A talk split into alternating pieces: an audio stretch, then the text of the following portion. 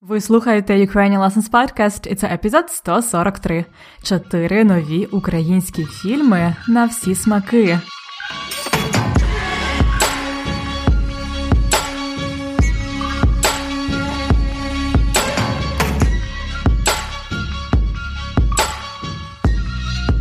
Привіт! Це ваша вчителька української Анна Огойко. І ви слухаєте подкаст для всіх, хто вивчає і любить українську мову. Це подкаст Уроки української. Як справи? Що нового? У мене все добре.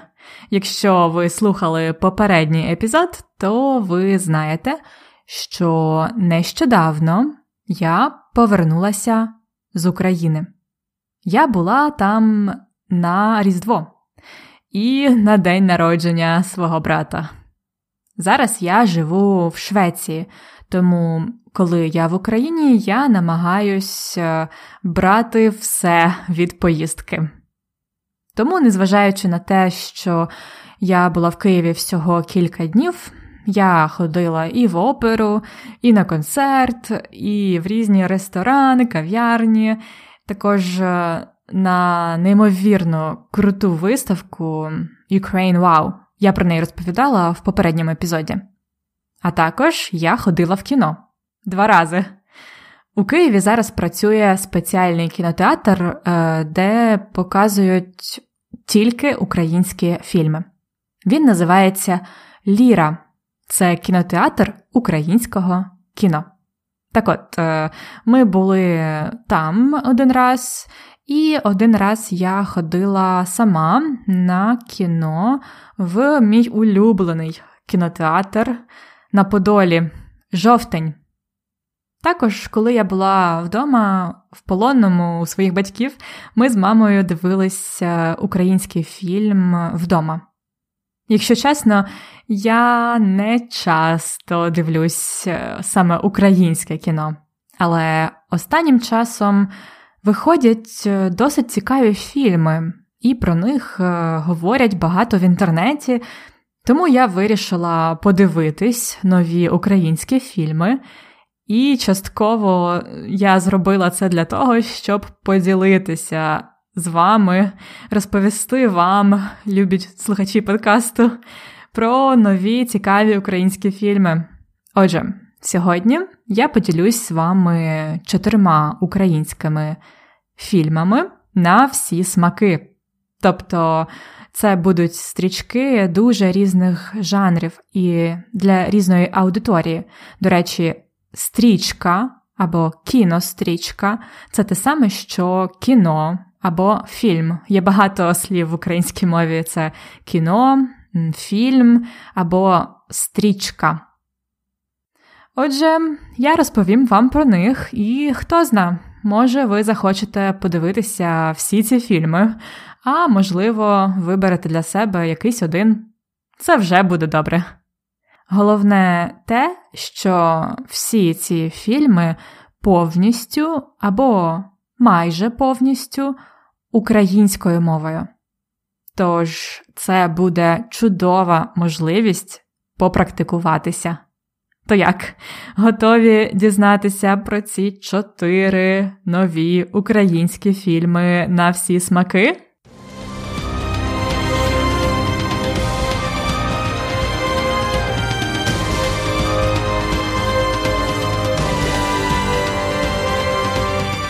Перший фільм називається Захар Беркут.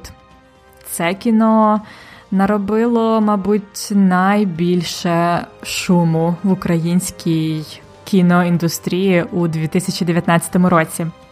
По-перше, тому що цей фільм це екранізація, екранізація книги. Тобто його зняли за мотивами одноіменної повісті українського письменника Івана Франка. Чули про Франка?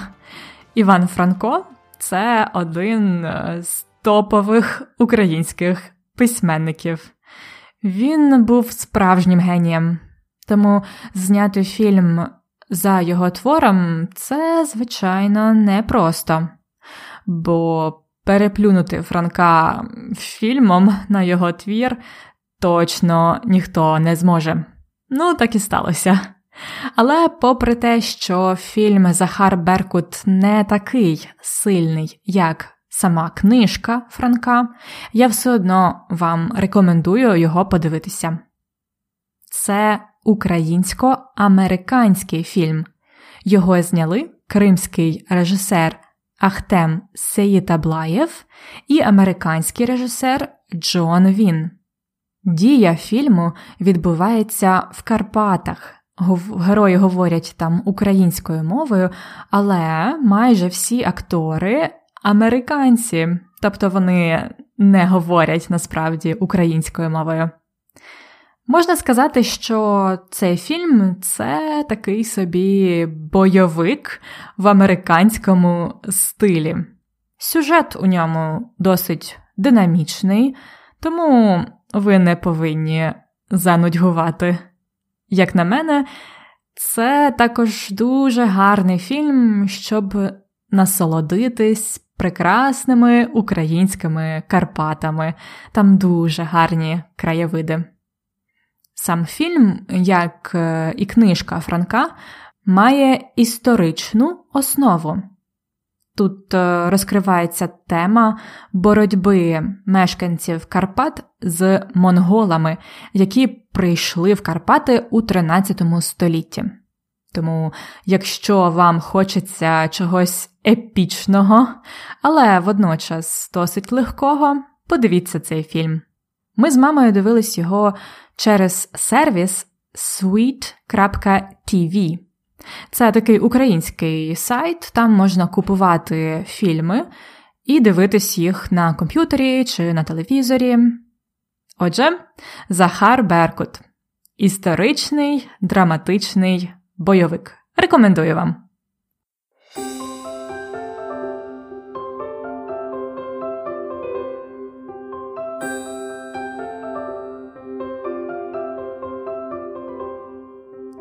А наступний фільм, про який я вам розкажу, зовсім в іншому жанрі. Можна сказати, це протилежний жанр. Це фантастичний сімейний фільм. Називається Фокстер і Макс. Це прекрасний фільм для дітей. Але і я дивилась його, причому в кінотеатрі, і мені сподобалось. Стрічка розповідає про хлопчика Макса, який намалював на стіні собаку, як графіті. Але цей собака ожив. Його звати Фокстер. І цього песика шукають різні злі люди. Тому на Фокстера і Макса чекають різні пригоди. Мені найбільше сподобалось те, що дії в цьому фільмі відбуваються у Києві, тому там можна побачити багато знайомих мені місць, також гарні краєвиди на Дніпро. І мені також сподобалася мова, українська мова, якою говорять у фільмі. Е, зокрема, діти говорять дуже живою українською мовою, з ідіомами, зі сленгом. До речі, всі актори дуже чітко і зрозуміло говорять. Тому, як на мене, це гарний фільм, щоб е, попрактикуватися, якщо ви вивчаєте українську мову. До речі, я дивилась цей фільм на фестивалі українського кіно в Стокгольмі. Угу. Але цей фільм також можна купити на цьому сервісі, який я вам розповідала, sweet.tv. Це досить зручно. Я вам залишу посилання на сторінці епізоду ukrainianlessons.com риска епізод 143.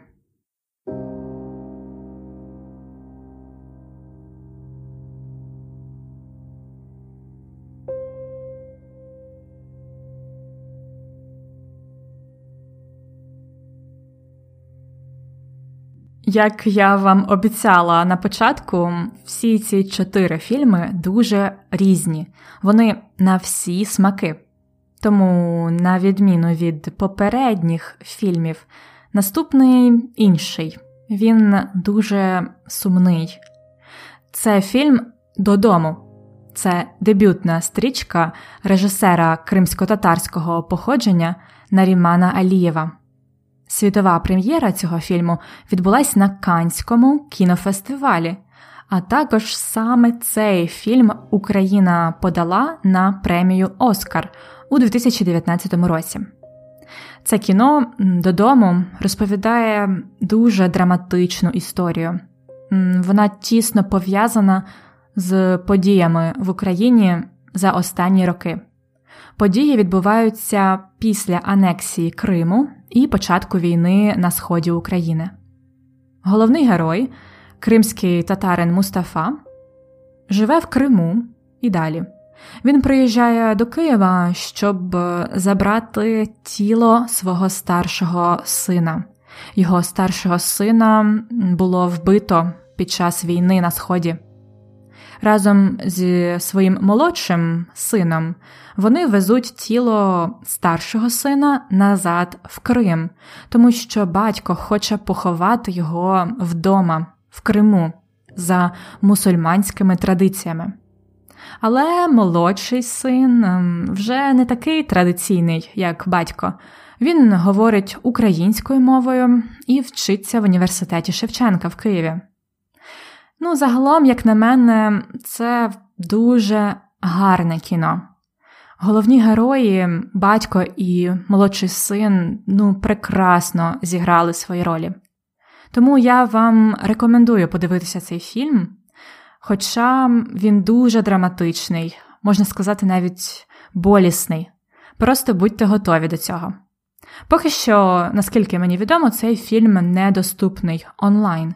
Ви можете знайти інформацію, де його можна подивитись, на сторінці фільму у Фейсбуці.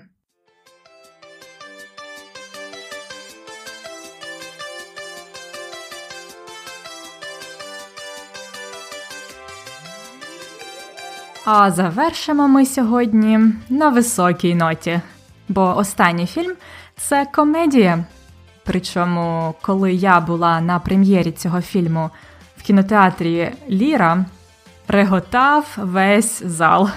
Тобто всі сміялися, всі реготали. Це фільм Мої думки тихі. Це дебют молодого українського режисера Антоніо Лукіча. Він розповідає про молодого хлопця Вадима.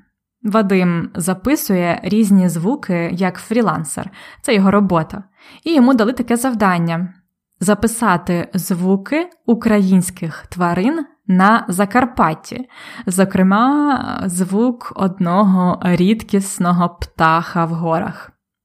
Насправді, мама Вадима також живе на Закарпатті, тому вони разом з мамою подорожують і записують е, тих тварин. Звичайно, з ними стаються різні веселі пригоди, а ще в центрі уваги кіно ось ці стосунки між мамою і сином. Ці стосунки у фільмі показані дуже по-українському. Взагалі, в стрічці Мої думки тихі дуже багато культурних реалій, таких, які дуже нам близькі. Наприклад, український поїзд типовий, типові таксисти, особливий закарпатський діалект. Якщо чесно, я просто в захваті від цього фільму і дуже його всім рекомендую. Прем'єра фільму в Україні відбулась нещодавно. Я якраз попала на прем'єру, де були і режисер, і головний актор. Поки що я не знаю, де подивитися його онлайн, але може пізніше ви знайдете.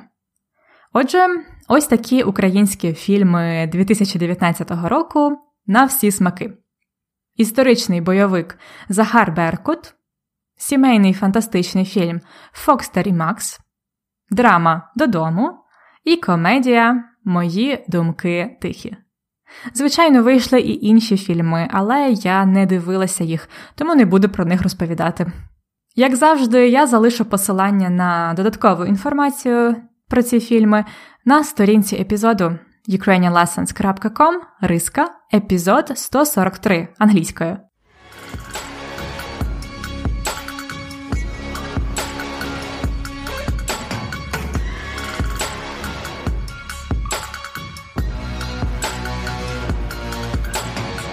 А зараз пропоную вам кілька цікавих ідіом, які я вживала. Ну, по-перше, це на всі смаки. Це чудовий фразологізм, який означає щось, що сподобається різним людям. Тобто я вам розповідала про українські фільми на всі смаки, або по-іншому синонім на будь-який смак. Цей фразеологізм частенько використовують в маркетингу. Наприклад, магазин, який продає вишиванки, може сказати: У нас є вишиванки на всі смаки. Або у нас є вишиванки на будь-який смак. На всі смаки. На будь-який смак. На початку епізоду я казала, що я живу в Швеції, і коли я в Україні, я намагаюсь брати все від поїздки. Брати все або взяти все доконаний вид від чогось, брати, взяти все від чогось. Це означає використати якусь можливість наповну на всі 100% і навіть більше. Тобто, наприклад, коли ви будете в Україні, використайте цей час дуже розумно. Тобто, по максимуму намагайтеся використовувати українську мову, коли ви в Україні. Так? Тобто візьміть все від своєї поїздки в Україну.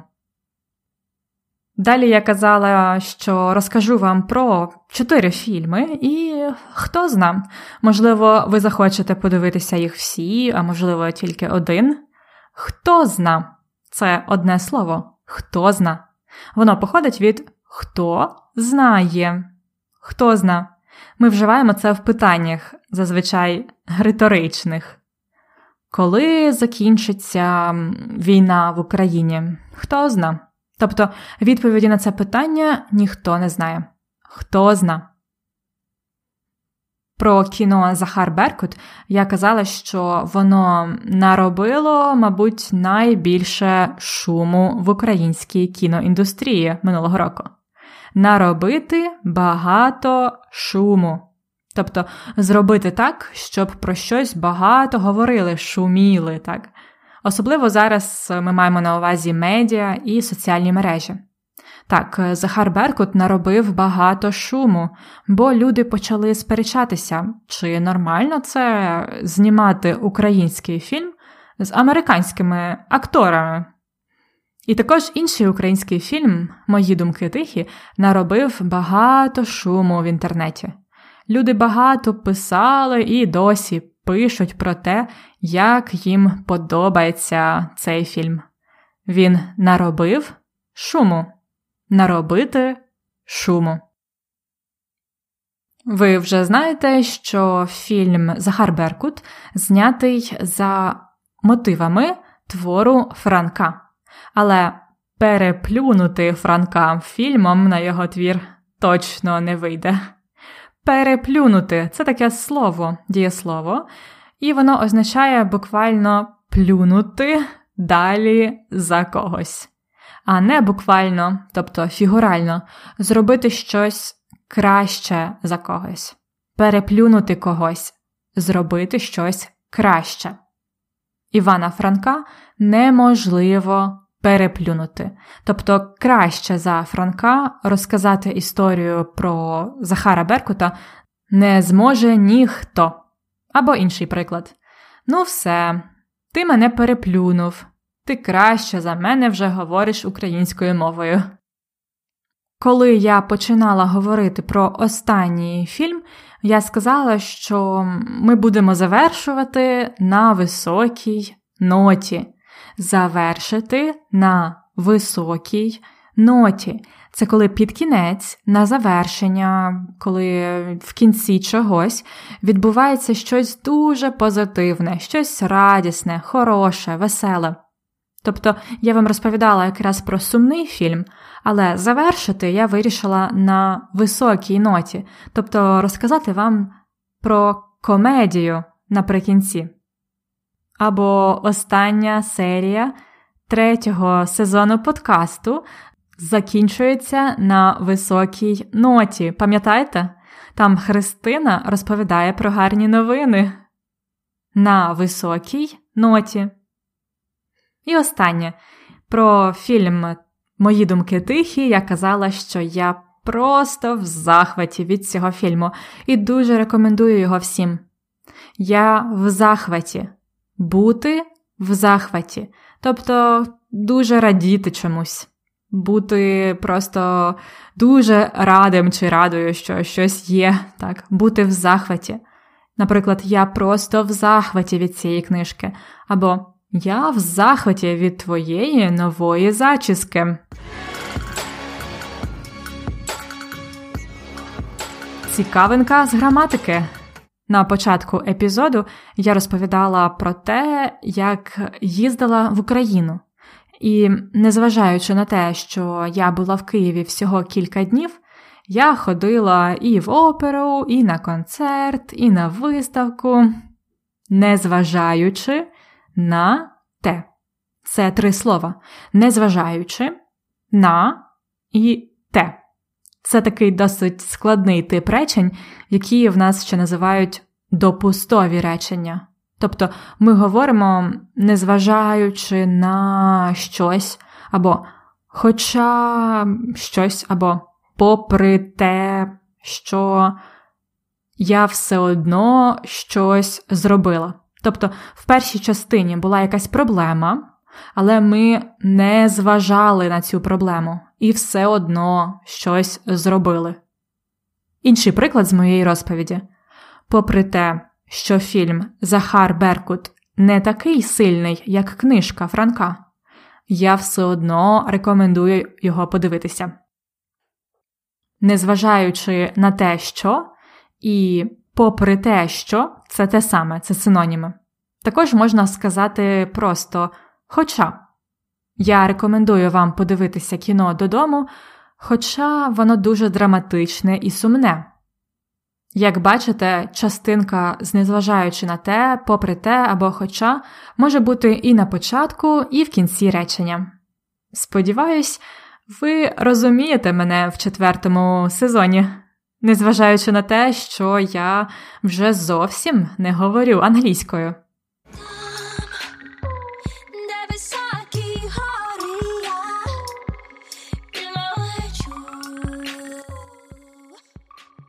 У мене все. Хочу вас про щось попросити. Якщо подивитесь один або кілька фільмів, які я вам порекомендувала, напишіть мені, які у вас враження, що ви думаєте про ці фільми. Мені цікаво, як іноземці відреагують на українське кіно. Також, якщо ви подивились якийсь інший український фільм, дайте мені знати, мені буде цікаво дізнатися. І на сам кінець нагадаю, що повний текст цього епізоду з вправами і новими словами, а також з таблицями, доступний у формі підписки Ukrainian Lessons Premium.